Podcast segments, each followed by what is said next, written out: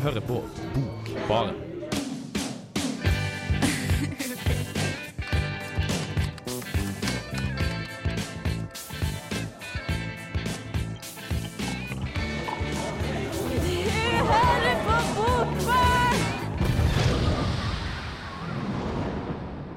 Og hjertelig velkommen til Bokbarns aller første sending på DAB. Vi er utrolig spent på hvordan det her skal gå. Uh, mitt navn er Vetle Henriksen. I studio sammen med meg har jeg Hanne Malene og Kristoffer Ervik. Hello. Hei. Vi har en uh, Albert Camus-sending, eller hvordan har du lyst til å uttale det? Hanne Malene? Nei, altså, nå har jeg lært av Syre som studerer master i litteratur, at man sier Camus med en sånn litt sånn Y-kvalitet over U-en. Men altså Det er opp til hver enkelt å tolke det, tror jeg. Vi sier i dag. Vi er så snille på, i Bokbarn. Man får si nesten hva man vil. Eh, Du får ikke arresteres på det hvis vi eh, uttaler det helt forskjellig eh, i løpet av sendinga, men vi skal i hvert fall ha en Camus-sending hvor vi da prater om han er franske forfatteren som holdt på rundt eh, 1940. eh, Og da sett på som en eksistensialistisk forfatter, og er for øvrig min favorittforfatter. Uh, Han er i hvert fall den forfatteren som har hatt størst påvirkning på livet mitt, så jeg gleder meg veldig. Ja, for det, Hvis dere spoler tilbake til aller første setning hvor Vetle var med, så hadde vi et sånt fint sånn bilde på introen. Og vi liksom hadde vårt nye bokbarn Vetle, og han har med seg liksom Albert Camus og Erlend Lo. Så det er på en måte, nå har vi en av Vette sine helter i studio. Så det er jeg er hyggelig. Ja. Nei, um, jeg har jo enda ikke prata med LO, eh, men da får vi i hvert fall dekket eh, Camino. Eh, før vi går inn på eh, hva vi skal eh, prate om i dag, så skal du få en låt av Exploding Plastic. constantly making passes at each other and all that. So now I'm just like, what's up? You know, you want to do it or you don't. Sex with you is really a Kafkaesque experience. Thank you. Bokbarn. Bokbarn. Velkommen tilbake i studio. Vi skal snakke litt mer om, eller masse mer om Albert Camus. Uh, og vi kan jo ta en liten runde på hva det er vi har med oss i dag. Uh, jeg kan starte. Uh, jeg har vel med hans første verk, så vidt jeg har forstått, som heter 'Retten og vrangen'. Som ikke er en roman, ikke direkte er en novellesamling, men en slags samling av fem litt lengre noveller. Og snakker da om det absurde i livet, så videre. Du har jo lest eh, ganske mye av Camus, som jeg har forstått. Ser du liksom du en utvikling? Har den liksom blitt bedre? Du har lest Den fremmede, sikkert, og andre ting. Uh, jeg ser absolutt en stor eh, forbedring i forfatterskapet hans. Så det er uten tvil eh, Ja, man merker det veldig godt at han uh, ikke er så moden ennå. Eh, både i skrivestil og hva han skriver om og ja. Kult. Yes, eh, Jeg har da med hans første roman, som er fra 1942, og som heter Den fremmede. Eh, Litt fordi dette var den boken alle som tok fransk i tredje klasse på videregående, de leste Le Trongy. Og jeg gjorde ikke det, for jeg tok ikke fransk, for jeg var et realfagskid. Og gadd ikke å ta så mange timer. Um, så tenkte jeg at da, når vi først skal ha Camus, så må jeg på en måte begynne der. Og det er den boka hvor han eh, som starter med 'I dag døde mor', eller kanskje det var i går. Det er jeg ikke riktig sikker på. Det er liksom introen. Og egentlig en litt sånn fyr som er litt sånn ja ja, spiller det hele egentlig noen rolle? Så vi er igjen på dette her med liv og eksistensen og meningene osv. Så, videre, og så, videre. så det blir moro. Ja, jeg er med Fallet. Jeg trodde den bare hadde gitt ut fire, fire bøker, men den har gitt ut ganske mye. Men jeg tror, den, eh, jeg tror det her Den ga ut den året før han fikk Nobelprisen, så i 1956. Det handler da om en advokat som eh, bor i Amsterdam, som går rundt og prater med en annen person, men det er egentlig bare en monolog. Så Den er veldig sånn finurlig, og den er veldig kort men jeg syns den var veldig tung. Så jeg tror jeg skal lese den en gang til da, i uka her, eller før jeg leverer den. Ja, ja. ja flere av bøkene hans er verdt å lese eh, flere ganger, altså. Uh, han er jo ikke bare en skjønnlitterær forfatter. Jeg er verdt å nevne at han er en filosof også. Uh, og skrevet flere filosofiske verk. Jeg vet ikke hvor, hvor gode de er, utenom det ene som jeg har lest, som uh, jeg ikke engang klarer å uttale ordentlig. Syfi... Har du lyst til å Sisyfos-myten? Sy- Eller myten om Sisyfos? Er det ikke det? ja. Uh, hvor han snakker litt om, om selvmord og så videre. Uh, og den synes jeg var sykt interessant. Uh, kanskje det beste jeg leste av han. Um, så det er verdt å sjekke ut. Uh, Avicii refererer til myten om Sisyfos Ja, okay. i en av sangene hans. Altså en kvisete uh, uh, Ja, Kygo, svenske Kygo. Mm. Nei, jeg, jeg skal i hvert fall sjekke mer av det filosofiske han har gitt ut. Fordi den her uh, myten om Sysif Sisyfos. Dette har du Sisyfos. hatt om i- på basis. Ja, han jeg vet det. ja. På det første okay, ja. ja. Nei, men, eh, men eh, litt morsom historie hvordan jeg fikk den boka. Jeg var på en, en fest i Oslo i begynnelsen med Øyafestivalen i fjor. Og ble skikkelig full. Og våkna opp med ryggsekken min full av alt fra bøker til klær og diverse ting. Eh, Og det her var en av tingene, da. eh, Og jeg begynte å lese den med en gang. Jeg fikk gitt tilbake det meste, da, hvis dere lurte. men, eh, men den boka her har jeg til den dag i dag. Og jeg møtte faktisk eieren av boka i helga. Og jeg var sånn, shit, jeg skal snakke om den litt på Bokbaren, og, og det blir hyggelig. Du må høre på. Uh, hun bare ja, kan jeg få den tilbake? Jeg bare nei. Kanskje neste gang vi møtes. Eh, men nå skal vi i hvert fall snakke om Retten og rangen, som er den boka jeg har med i dag. Den uh, fikk jeg på et utested som heter Mormors, uh, som er i Munkegata, i bytte mot to pils. Syns det var et utrolig godt bytte.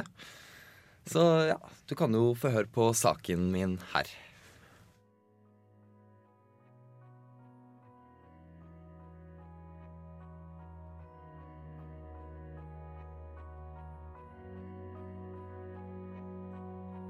Boka Retten og rangen består av et ansett forord og inneholder fem lengre noveller som tar for seg de yngre dagene av Camus' liv. Ikke at dette er en selvbiografi, men tekstene er tydelig prega av hans unge skrivestil, samt at novellenes handling er satt til samsvar med hans egen alder, nemlig 22 år gammel. Tekstene ble forfatta mellom 1935 og 1936 og utgitt to år senere. Nå skal det sies at boka ble trykt i et begrensa opplag, og til tross for den store etterspørselen nekta han å trykke opp flere. Men i 1958 ga han til slutt etter og tilføyd forordet som bl.a. forklarer hvorfor han ikke ville trykke opp flere. Han mente rett og slett at som forfatter var han langt fra moden nok til å påta seg det store ansvaret som ligger implisitt i det å føye seg inn i litteraturhistorien med et så lite fullverdig verk som det her. There are no mysterious reasons for my stubbornness. I reject nothing of what these writings express, but their form has always seemed clumsy to me. A great vanity, it would seem, leading one to suppose that my other writings satisfy every standard. Need I say this isn't so? I am only more aware of the inadequacies in the wrong side and the right side than those of my other work. Utgivelsen bekrefter på mange måter Camus' kommende forfatterskap. Handelsforløpet skildrer hans oppvekst i Alger og reiser til Tsjekkoslovakia, Italia og Balearene. Her reflekterer han omkring sine egne erfaringer av fortvilelse og lykke, og hvordan de på tilsvarende vis representerer selve livet. Jeg kom til Praha klokken seks om kvelden. Jeg satte bagasjen i oppbevaringen med det samme. Nå hadde jeg to timer til å finne et hotell, og jeg følte meg fylt av en merkelig frihet, for de to koffertene hang ikke lenger tungt i armene. Jeg forlot stasjonen, spaserte langs parkene og befant meg plutselig midt ute på Venturesplassen, kokende av folk på denne tiden av døgnet. Rundt meg en million vesener som hadde levd helt til da, og ingenting av deres eksistens hadde nådd meg. De levde. Jeg var tusenvis av kilometer fra mitt eget land. Jeg forsto ikke språket deres. Alle gikk fort. Og alle rev seg løs fra meg i det samme de gikk forbi. Jeg mistet fotfestet. Som han selv hevder i forordet, er ikke det her verket noe å skryte av. Og som Camus-entusiast må jeg si meg enig i at det her stiller seg langt under det meste av hans andre verker. Likevel er det absolutt en fordel å ha kjennskap til det om du, som meg, ønsker å fordype deg i hans forfatterskap og forstå han bedre, både som menneske og forfatter. Hei og velkommen til uh, Camus og Retten og vrangen. Uh, boka som jeg har lest. Den, eh, det var jo en leseropplevelse, det. Ja, du sa det, men du var også ikke helt sikker på om du likte denne boka så godt. Nei, eh, som jeg sa i saken min, så var det ikke Det er kanskje den boka jeg likte definitivt minst av, av han. Men hvorfor det? Hva er det som på en måte gjør den annerledes enn resten? Alt egentlig For det første så har det ikke noe ordentlig sammenheng. Eh, de fem korttekstene de har jo på en måte en slags rød tråd, kind of, men ikke Det er ikke en hel... Jeg, jeg, jeg savner en helhet, da. Eh, og så føler jeg også at han ikke han sier ikke noe nytt. Han bringer ikke noe nytt på banen. Han, han sier ting som andre har sagt før han, og han sier det på en helt OK måte. Uh, ikke, ikke det fantastiske språket som uh, jeg ser igjen i mange av hans senere verk. Men tror du at det har mye å si med det med at det er fem korte tekster og ikke én sammenhengende lang en? Er det liksom det at det er oppstykket som gjør det, eller er det bare generelt at dette er starten, han er ganske ung og han vet ikke helt, liksom? Eller? Nei, jeg, jeg, føler, jeg føler at han er ung og uerfaren. Jeg, jeg, kjenner, jeg ser liksom at han er uerfaren i måten han skriver på. uh, og jeg syns også det at når han er så kort Nei, eh, eller at det er så korte tekster, da. eh, det er sikkert Det stemmer sikkert ikke, men, men jeg får sånn følelse av at han ikke klarer å skri skrive mer. At han bare stopper opp til slutt, og så må han begynne på noe annet, og så ble det masse sånn halv, halvfæle greier. Ja, kult. Eh, da, jeg på, da jeg gikk på videregående, så var det liksom tre ting som var veldig spesielt. Det var kvisa, og så var hormoner, og så var det fransk eksistensialisme. Så jeg satt mye på YouTube, og så Er, det, er dette deg på videregående? Ja, det ja. Bra. Og det er fransk, eh, fordi det var egentlig det jeg liksom, eh, som tok tak i meg, som jeg liksom likte veldig godt. Og så så jeg på en dokumentar om eh, Jean-Paul Sartre, og så sa, var det en som sa at han var veldig sånn livlig og glad, og så når han satt i fangeleir, og så kom han tilbake, så var han kjempetrist og sur, men så skrev han veldig bra.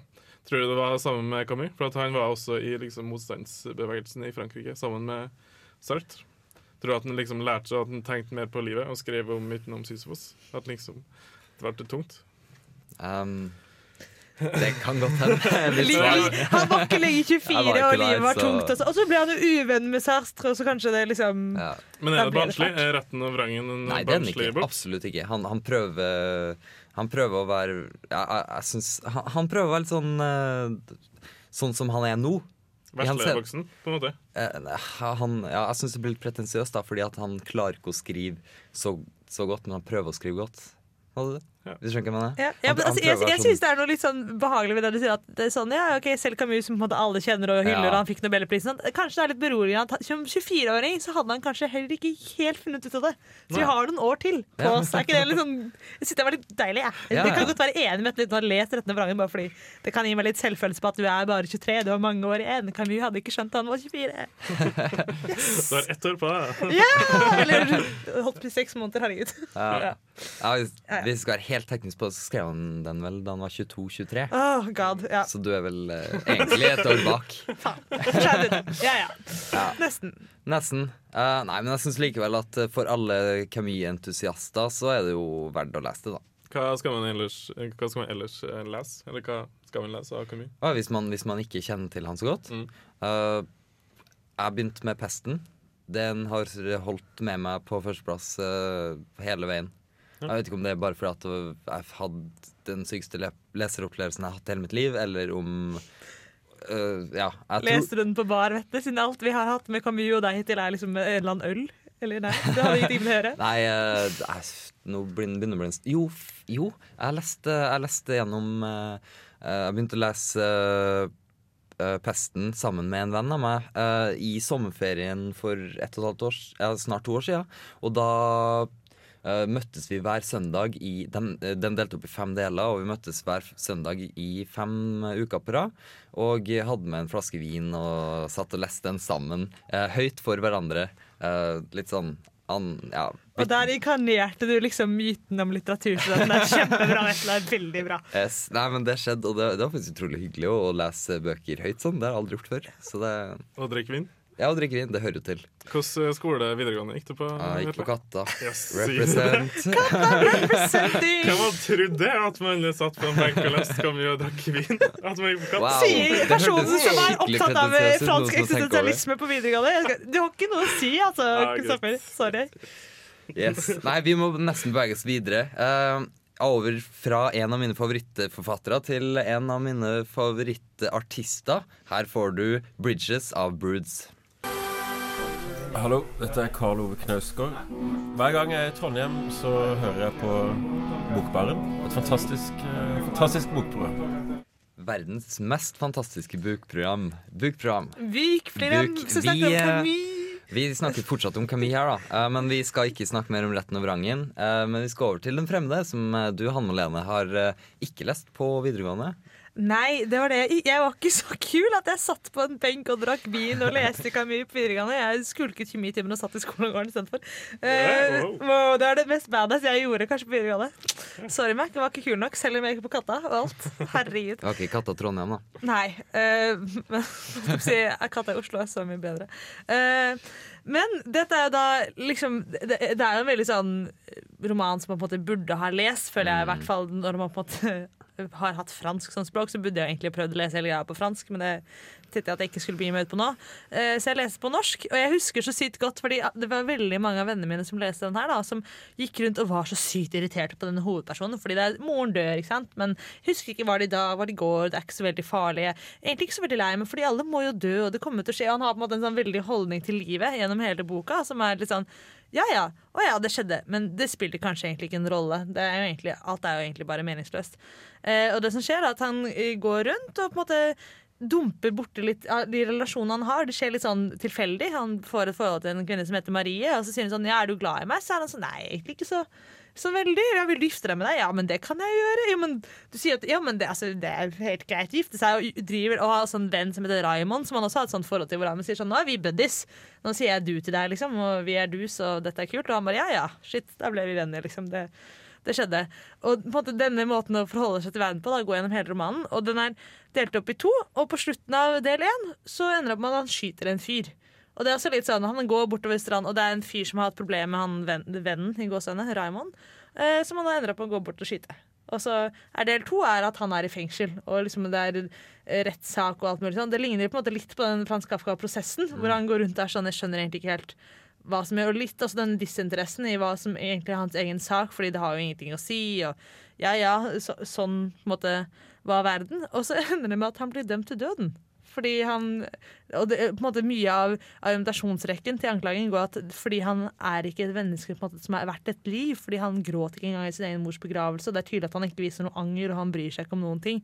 Så det er veldig sånn Han fungerer på en måte ikke i samfunnet fordi han ikke reagerer på riktig måte da, i hele denne situasjonen. Så han er på en måte den, den fremmede i, i samfunnet. Men får du inntrykk av at han bare ikke viser følelsene sine, eller at han faktisk ikke Nei, altså, det, det er mer at verden er liksom er jo sånn som den er, og han, har, han nyter livet veldig, da. Han syns det, er- han syns det er vakkert og flott med dette å bade og havet og kvinner og luften og liksom Verden er ganske OK, og det er fint å leve og sånn, men det at han skal dø Ja, ja, men alle skal jo dø, og det som skjer, det skjer jo. Det er på en måte er, Han har ikke oppgitt det, han har bare innsett at det er meningsløst, og så bryr han seg på en måte ikke så mye, på et vis. Som er litt morsomt. Eh, og jeg, sånn, Ifølge sånn litteraturvitenskapelig leksikon da, så var det sånn eksistensialismen. De setter menneskelige situasjoner som er ekstreme, for da har han mulighet til å erfare det grunnleggende i vår tilværelse. Og man må ta valg hvor man liksom selv har ansvar for sin egen eksistens. Og han velger jo nettopp da å bare si ja, men min eksistens den er som den er. Og så bare ser vi hvordan man kan leve i møte med den. på en måte. Mm. Så ja, Det går veldig mye også på om ting er tilfeldig eller om det er planlagt. Fordi at han skyter denne fyren, eksempel. Det er jo ikke planlagt. Han går ikke bortover stranda for å skyte, men så dukker han opp, og så tenker han sånn Oi, nå står jeg altså, det er sånn, åh, jeg skjønte Han sier vel når, rett etter han har skutt han, sier at jeg skjønte at jeg hadde satt uh, Jeg skjønte at jeg hadde brakt dagen ut av likevekt. Var liksom- Det det er det han innser at ja, ja, og så skjøt jeg fire skudd til, og det var som å banke på ulykkens port. Så han har jo på en måte refleksjoner og skjønner at dette her går ikke så veldig bra, men han bare er litt sånn ja, ja, men man kan jo egentlig ikke forandre seg, og sånn er verden. Liksom. Men eh, er det her eksistensialisme med andre mennesker? For det var veldig mye sånn Før han ga ut bok her, med Sart, så snakka veldig mye om eksistensialisme for seg sjøl. For da kan du liksom bare gjøre det du vil, for det er ikke noe Gud som sier hva du skal gjøre. Og så ga jo uh, Sart ut den, eh, det teatret, for det, jeg tror det er Muren, eller Veggen, som handler om at alle andre mennesker er helvete. Ja, Fordi du- de liksom-. De er liksom dine restriksjoner. Du må liksom forholde deg til dem. Tror du det her er om det? Om liksom andre Altså, det er jo det at han, hans forhold til andre mennesker virker ikke som det bryr ham. på en måte. Han er jo sånn, ja, ok, Hvordan dere oppfatter meg, har jo ingenting å si. Så det, Han har jo, han utøver jo en sånn total frihet. Og den eneste gangen han viser noen følelser i denne boka, er det en, det er en fengselsprest som kommer og vil preike med ham hele tiden etter at han er fengsla, og sier sånn Men du må tro på Gud. ikke sant? Du må bli forlatt for dine synder, og Gud forlater alt. Og du må jo ha et håp om et evig liv. Og så sier han sånn Nei, jeg har jo ikke noe sånn spesielt håp om et evig liv. Det er, nå er død jeg, sånn er det, og liksom, det er verden. Men så driver han fengselspressen og presser på, presser på, presser på, og det er først da han egentlig blir skikkelig skikkelig forbanna. Og det er den eneste gangen i hele romanen han egentlig viser noen følelser. Er når denne fengselspresten kommer trekkende med Gud og skal gi en sånn det, finnes noe høyere over deg selv, som du må på en måte si beklager til. Men Syns du at det var en god leseropplevelse i seg selv, eller syns du at det utelukkende hadde gode tanker, men at eh, du måtte Nei, jeg kanskje syns, kjempe jeg syns det var kjempekoselig. Eh, det er morsomt fordi vi leser den Eline Lund Fjæren, Ja. bokstavelig talt, som jo er nettopp det at hun nekter å måte, la noen ting bety noe. Det er veldig følelsesløst. Men han her har i hvert fall liksom, Han har en glede over livet, og noen sånne søte sånne små refleksjoner om måte, hvordan det å være som jeg syns er kjempe sånn, hyggelig. Er måte han er ikke, den er ikke så negativ. Den er bare litt mer sånn Sånn er livet. Dette er sånn det er. Sånn går vi framover. Og det synes jeg er tydelig. Så er den veldig morsomt skrevet. Det er veldig mye veldig korte setninger eh, gjennom egentlig hele romanen, som jeg syns funker fint. Så det er på en måte litt mer sånn bekymringsløst, selv om situasjonen han er i, er utrolig dramatiske. Så bare liksom går det forbi som om det var litt sånn. Sånn spørsmålet er skal jeg ha ost eller uh, syltetøy på brødskiva mi, og så er egentlig spørsmålet om du skal dø eller leve. Det er Ja. veldig merkelig. Ja, Var det et sitat fra boka? Nei, nei, Nei. men det er mer sånn måten han fremlegger til på. Det Ja, er liksom som om spørsmålene står om noe sånn stort Ja. over eksistensen og væren, og så virker det som om han tar det som et spørsmål som er sånn Å ja, men nei, jeg vil helst ha te. Takk. Ja. Det er liksom hans reaksjon på verden. Ja, ja, det er jo vel hans mest kjente sitat også. Um, skal jeg ta en kopp kaffe eller ta livet mitt? Ja, Uh, ja det, det var litt salt følelse. ikke- det var ikke akkurat sånn sitatet var, men sånn basically. ja. Uh, ja. Så han snakker veldig mye om det her liksom at uansett hva du gjør med livet ditt, så spiller det ingen rolle fordi at hele tilværelsen er meningsløs og Ja. absurd. Det er litt det. Det er neseste surr, men du kan nyte blomstene og Marie som er vakker og har på seg en fin hatt når hun kommer inn i rettslokalet. Vi skal snakke litt mer om eh, Den fremmede, men først får du Bruces av Chairlift. Velkommen tilbake til eh, Bokbarn. Vi har eh, som hele sendinga Camus-sending. Veldig spennende. Eksistensialisme osv. Vi har snakka en del om eh, Den fremmede. Og eh, vi skal videre snakke litt om, om fallet som Kristoffer Ervik har. Men uh, før vi gjør det, Hanna. uh, jeg lurer litt på hvorfor skal jeg lese akkurat uh, denne boka? Nei, den er jo en eh, veldig veldig morsom bok. Eh, koste meg, liksom humret litt for meg selv av og til. Eh, og så tenkte jeg at jeg liksom bare skulle lese opp et lite utdrag, siden jeg ikke lagde noe sak, eh, fra boka, som jeg føler oppsummerer ting litt godt. Hvor det også viser at han egentlig blir seg litt om hvordan folk syns, men det er bare litt fordi han helst ikke vil være så mye bryderi, tror jeg. Men ja, det er i hvert fall at eh, sjef på kontoret tilbyr ham en ny jobb, hvor han da vil få muligheten til å flytte til Paris og arbeide der. For han bor i Algerie. Eh, og så sier fyren at eh, Um, han, spurte, han spurte da om jeg ikke var interessert i å leve på en annen måte. Jeg svarte da at livet ikke lar seg forandre, at det er mange måter å leve på uh, som er alle er like gode, og at jeg slett ikke var misfornøyd med mitt eget levevis. Han så ikke ut til å like seg, sa at jeg alltid svarte på noe annet enn det jeg ble spurt om, og at jeg ikke eide ærgjerrighet, og at noe slikt var rent katastrofalt i forretningslivet. Jeg gikk så tilbake til arbeidet. Jeg ville vært mer tilfreds om jeg hadde sluppet å skuffe eh, Sluppet å skuffe Skuffe! Jeg kan ikke ulyder. Eh, skuffe. Men jeg så ingen grunn til å forandre på livet mitt. Når jeg tenker etter, var jeg slett ikke ulykkelig. Da jeg var student, hadde jeg hatt en god del av den slags ærgjerrighet. Men da jeg måtte avbryte studiene, skjønte jeg snart at slike ting ikke hadde noen egentlig betydning. Der har jeg liksom igjen igjen at jo, jo, det kunne vært greit, men det betyr jo ingenting. Og man kan leve livet annerledes, men det har jo ikke noe å si. Og det er, men sagt på en litt sånn hyggelig, sånn upbeat Mm. måte, så man blir ikke deppa av det. Man blir bare litt sånn ja ja, livet er meningsløst. Ha-ha, ha det gøy. Nei, jeg, jeg tror det er neste boka jeg skal lese. Sånn. Virker veldig spennende. Ja, jeg synes det. Men eh, kanskje Kristoffer eh, har noe bedre? Jeg har noe bedre. Eh, Jeg har noe helt eh, annerledes. Jeg vet ikke hvordan liksom, strukturen liksom, forteller maten, men i min så er det en monolog. Så det er et slags, er et slags essay, men det er gjort Mm. om til litteratur. Så det er veldig fiffig. Men jeg, jeg blir ikke sånn Det er ikke bare det boka gir meg. Ja. Men det er en monolog, og så er det veldig mye sånn fine digresjoner. Så det er veldig sånn kul bok uten at, det, at den er veldig smart. Men ja. Eh, Så jeg anbefaler den. Hvordan uh, hørte du om den her, egentlig? Uh, Wikipedia. da, altså på Albert Camus. Jeg jeg hørte om De fremmede og, Ja. og ja. Ja. Og, ja. oh, ja. Og festen, kanskje? og festen og Ja. midten om Sisyfos. Jeg har aldri lest noe om det eller hørt noe snakk om den, men uh, vi kan jo alltids uh, høre på saken din. Kanskje du har noe spennende å si? Jeg risikerer vel ikke å virke påtrengende om jeg tilbyr dem min hjelp. Jeg er redd de ikke vet hvordan de skal gjøre dem forståelig for den fortreffelige gorilla som hersker i dette etablissementet. Han snakker virkelig bare hollandsk. Hvis de ikke gir meg lov til å tale deres sak, vil han neppe gjette at de ønsker et glass genever. Der ser de. Jeg tror han har forstått meg. Nikket må være et tegn på det. Der går han virkelig. Han skynder seg med avmålt langsomhet. De er heldige. Han knurret ikke. Hvis han ikke vil servere, er knurring tilstrekkelig. Ingen tør da insistere. Alle store dyr kan tillate seg å være lunefulle. Nå går jeg. Det gleder meg at jeg kunne hjelpe dem. Jeg sier gjerne takk, hvis jeg kan være sikker på at jeg ikke er til uleilighet. De er for elskverdig. Så setter jeg altså mitt glass ved siden av deres. 'Fallet' av Albert Camus er en finurlig roman. Jeg vet ikke helt hva det er med den, men jeg tror det er bra. I begynnelsen av romanen blir man introdusert til en fransk advokat i et bordell i Amsterdam. Advokaten framstår som en vellykka person. Hele romanen er en monolog av han. Selv om han gir noen hentydninger til at det er personen som står ved siden av han, eller leseren, skal sitte på den stolen eller gå med han over den broa. Advokaten forteller om en kveld der han ser en kvinne kaste seg i Seinen, altså elva i Paris. Han hører skrikene hennes idet hun flyter nedover elva, men han har ikke mulighet til å redde henne. En annen gang kommer han tilbake, og da hører han en latter idet han går ved elva. Og han kjenner på skylden han har over at han ikke klarte å redde jenta. Jeg levde altså, fra dag til dag, uten annet bindeledd enn mitt eget kjære jeg. Dag etter dag kvinner. Dag etter dag dyd eller last. Dag etter dag som en hund, men hver dag var mitt eget jeg på post.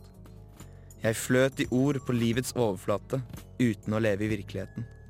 Bøker ble så vidt lest. Venner så vidt avholdt. Byer så vidt besøkt. Kvinner så vidt eiet. I distraksjon eller av kjedsomhet gjorde jeg et eller annet, men det var tomme gester. De ville knytte seg til meg, men det skjedde ikke, og det var ulykken. For dem. For jeg glemte dem. Jeg har aldri husket andre enn meg selv. Jeg vet ikke all verden om fransk eksistensialisme, men jeg har lest litt om forholdet mellom Jean-Paul Sartre og Albert Camus. Begge to var medlem av den franske motstandsbevegelsen under andre verdenskrig, og de jobba i undergrunnsavisa Combat. Der ble de kjent med hverandre, og begge utvikla en filosofi og et forfatterskap rundt menneskets frihet og menneskets forhold til det absurde. Altså at vi lever, og så dør vi, uten noe mer tjo og hei enn det. Men i 1952 så skilte de lag, både som venner og som intellektuelle. Camus mente at mennesket har flere dyder som han eller hun kan og må forholde seg til, som rettferdighet, godhet og sannhet. Sartre var uenig. I 1956 ga Camus ut Fallet. Det kan være et stikk til Sartre og fansen hans. Fordi begge, både Sartre og advokaten, mener at dydene som Camus står for, er et skalkeskjul for egoisme og forfengelighet. Sosiopater og andre vil gjemme seg bak ord, og likevel vil de fortsette å gjøre fæle ting. Jeg står foran menneskeheten, i sekk og aske, med oppglort ansikt og gjennomtrengende blikk, mens jeg langsomt river meg i håret. Jeg slynger ut min egen skjensel uten å tappe av syne den virkning jeg gjør når jeg sier jeg var den verste av de verste. Deretter går jeg i min tale umerkelig over fra jeg til vi. Når jeg kommer til slik er vi, er slaget vunnet, og jeg kan si dem sannheten om dem selv. Jeg er selvfølgelig som dem.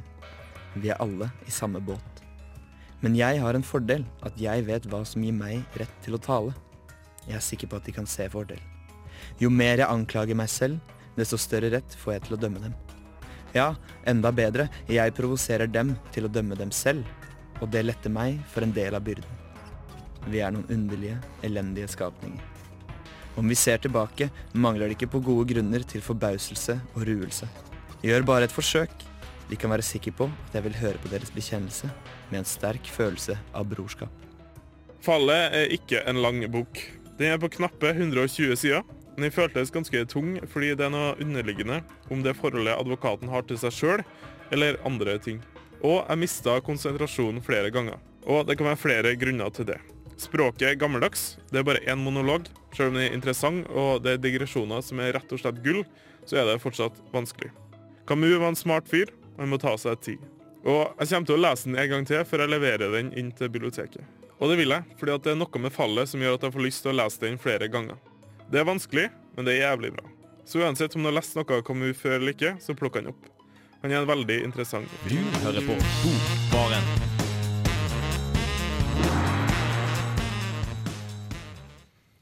Men eh, kjære deg, du brenner jo av blomst, fikk du før saken til Kristoffer.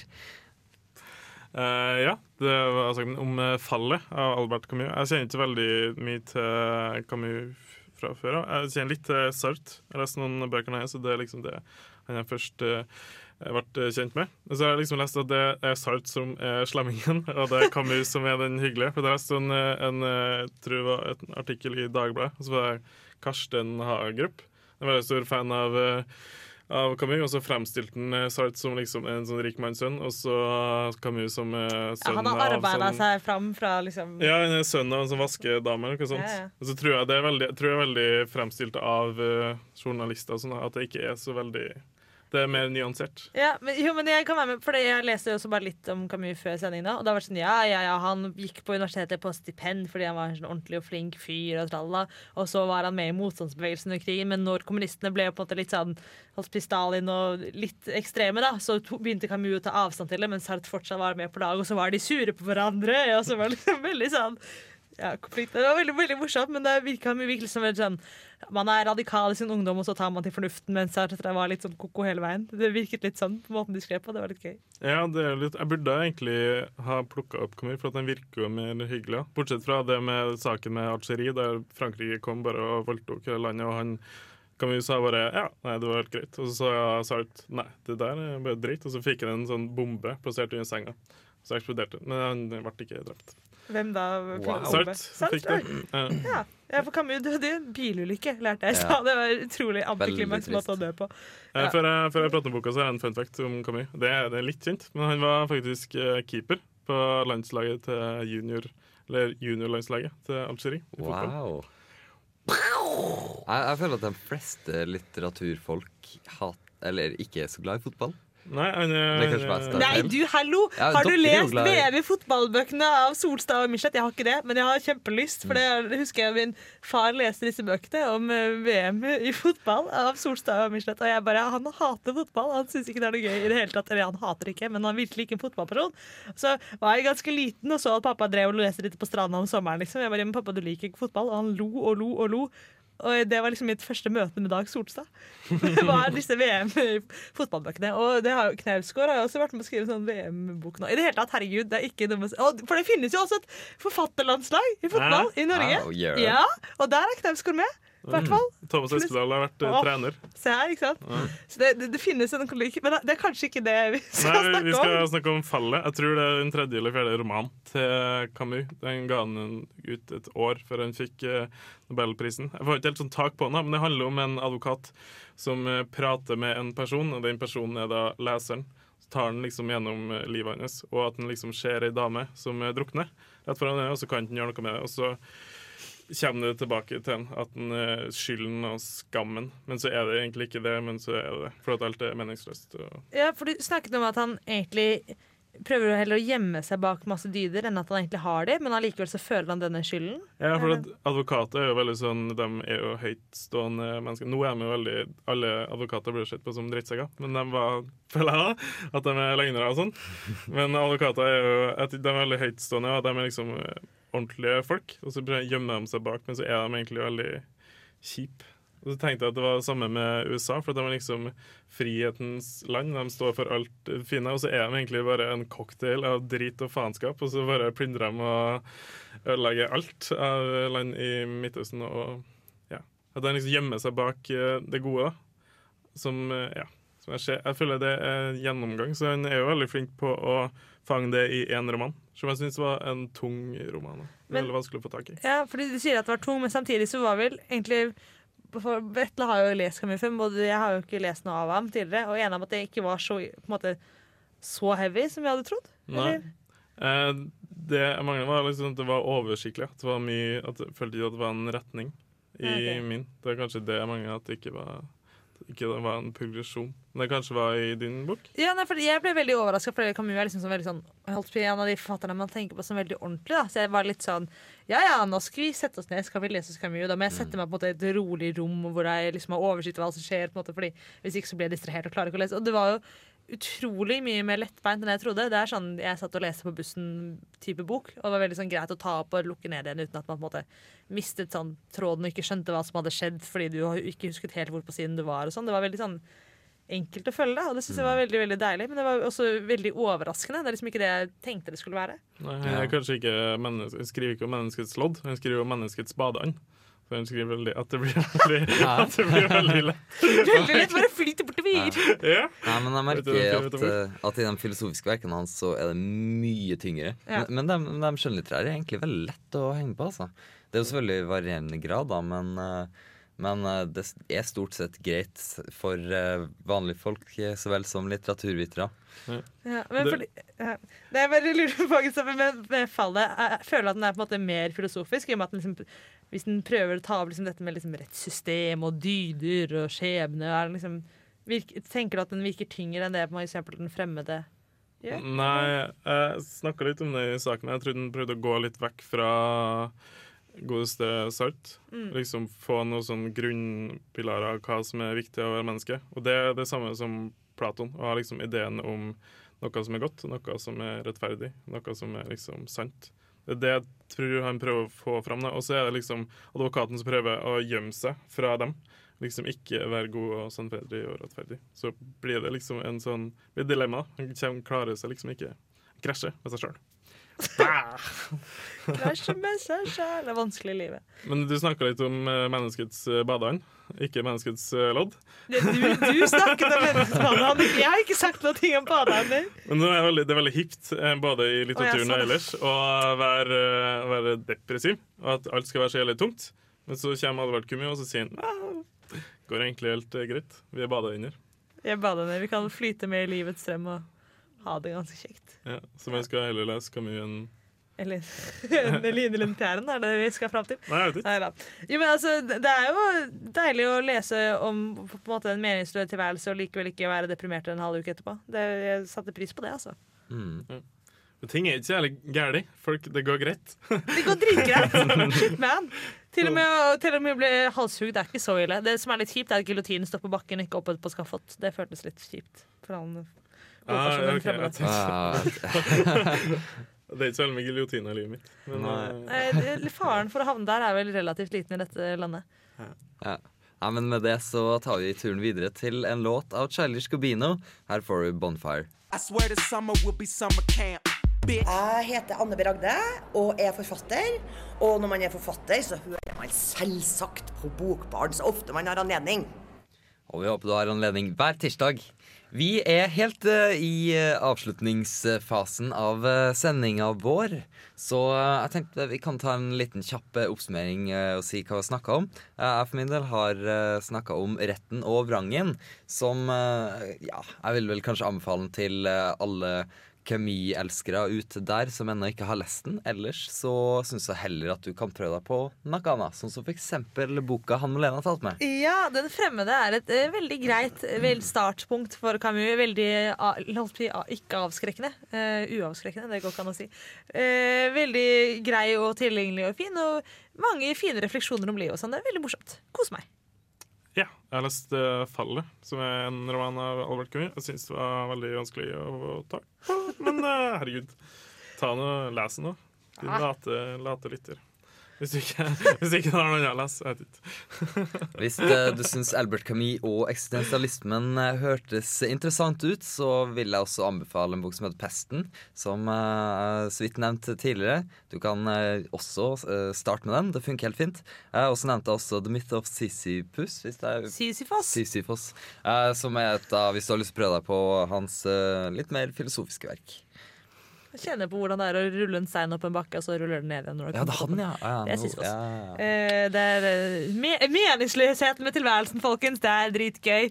Men hvis du kjenner på at kanskje tilværelsen i det som blir eksamensperioden, blir litt sånn tung og meningsløs, så er det en litteraturfestival som går av stabelen, som nå har sluppet program, eller tema, som heter Æ òg, litteraturfestival, som arrangeres annethvert år i Trondheim, og som liksom skal fokusere særlig på lyrikk. Og da kommer en av de jeg syns er dritkule, eller to av de menneskene jeg syns er dritkule i verden, eh, og det er Frøydis Solli Simonsen, eh, som har skrevet 'Hver morgen kryper jeg opp fra havet' og en flammesingel. I tillegg til at hun har laget coveret på den, eh, en bok som heter 'Spredning', som kom på oktober-høst. Og Tor Åge Bringsvær, som er liksom kjent fra Bing og Bringsvær, eh, som er helt fantastisk på alle plan. Pluss Mona Høvring og Bjørn Arild Ersland, som jeg ikke har noe forhold til. Men det blir dritkult, så det syns jeg vi skal ha på. Og så har vi én nyhet til. Ja, Mathias R. Samuelsen, gammelt bokbarn, han har fått eh, en konsulent på Lillehammer ah, Sigrid Undset-dagene. litteraturfestivalen Lillehammer. Så kanskje vi kan ta en bølge for det? Jeg starter. Oh, ja, ok. Til og med teknikeren var med på bølgen. Dette er en stor dag for bokbarn. Våre bokbarn får ordentlige jobber. Ja. Uh, nei, men uh, du også hadde et eller annet blasting uh, Eh, nei, det var Mathias Det var Mathias Samuelsen og jeg og Litteraturfestival. Det er alt dere trenger å vite. Ja, det var vel egentlig det. Men da sier vi takk for oss. Eh, vi takker, takker vår kjære tekniker. Um, Jørgen heter han. Jørgen? Bare Jørgen? Vi kaller den Jørgen. Vi kaller den bare Jørgen. Uh, da sier vi rett og slett uh, ha det godt. God påske. God påske! My brother dreaming of a new